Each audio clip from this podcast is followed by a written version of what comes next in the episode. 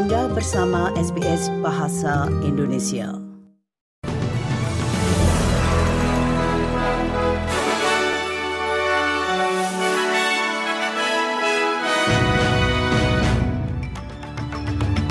Berita terkini SBS Audio Program Bahasa Indonesia hari Minggu 6 Agustus 2023.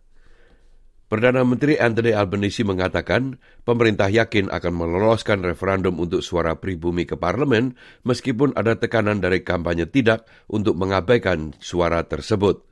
Dalam wawancara di Festival Karma, Perdana Menteri mengatakan ia tidak melihat argumen yang masuk akal untuk hasil yang negatif. Historically in Australia, uh, we don't have uh, 10-week, 12-week campaigns.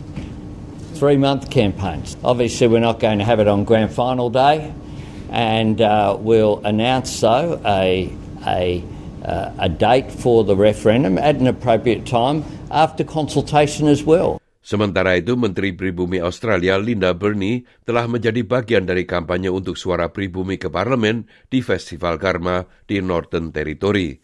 Burney mengatakan referendum adalah kesempatan unik bagi Australia untuk menebus dirinya sendiri.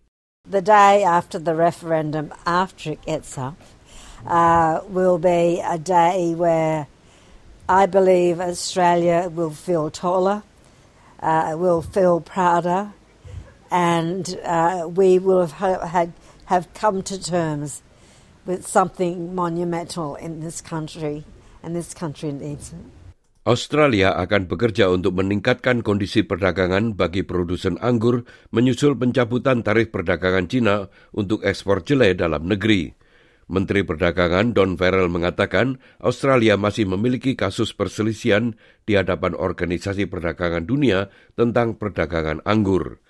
Namun Menteri mengatakan ia yakin hasil positif dapat dicapai dalam kasus itu seperti apa yang terjadi dengan kasus jelai. In this case, the, uh, the dialogue and the goodwill, and I might say the patience and the persistence uh, have proven effective in helping Australian barley uh, growers and exporters We do have a WTO um, case uh, uh, in respect of uh, wine, and of course, we'd like to see this process used to resolve that issue as we seek to resolve all of those outstanding issues.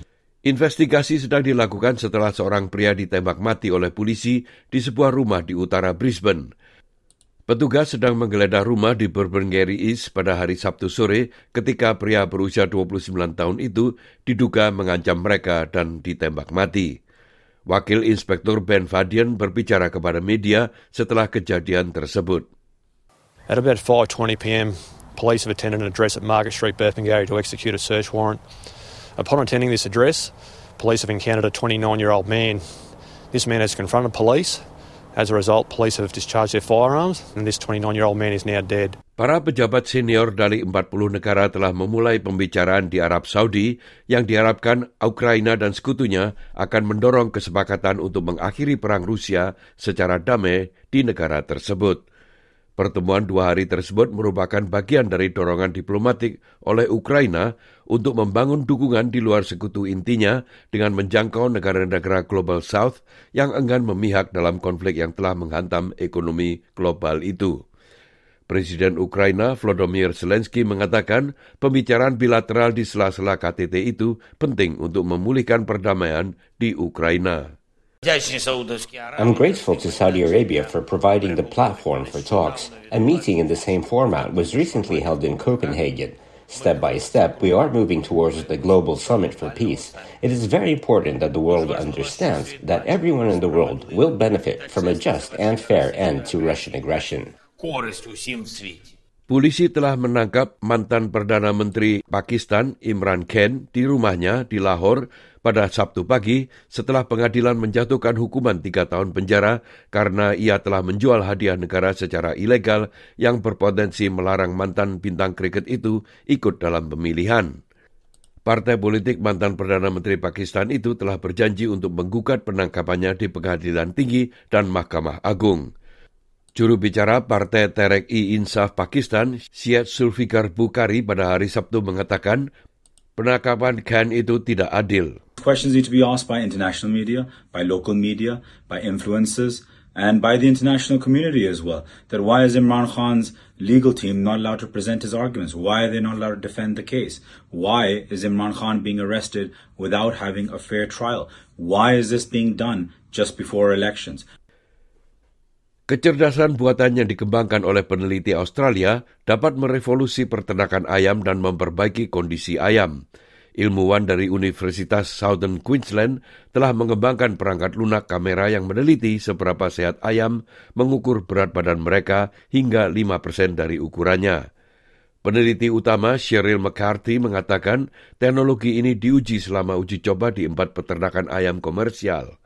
Ia mengatakan teknologi ini mengurangi waktu yang dibutuhkan oleh peternak untuk menangani ternak mereka secara manual dan bahkan lebih cepat daripada mata manusia.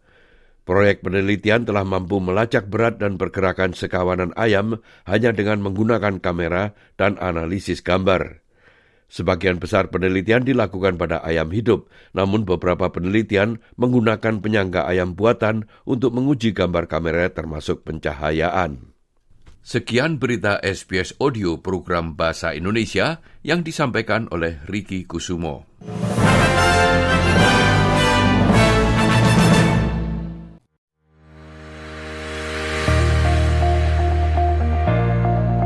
Anda masih mendengarkan siaran SBS Audio program Bahasa Indonesia.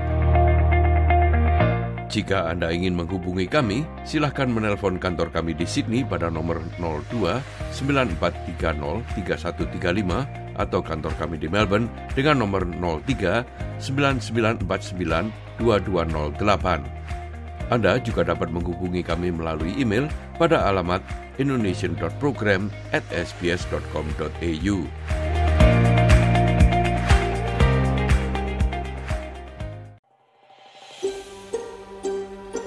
Sukai, berbagi, komentar.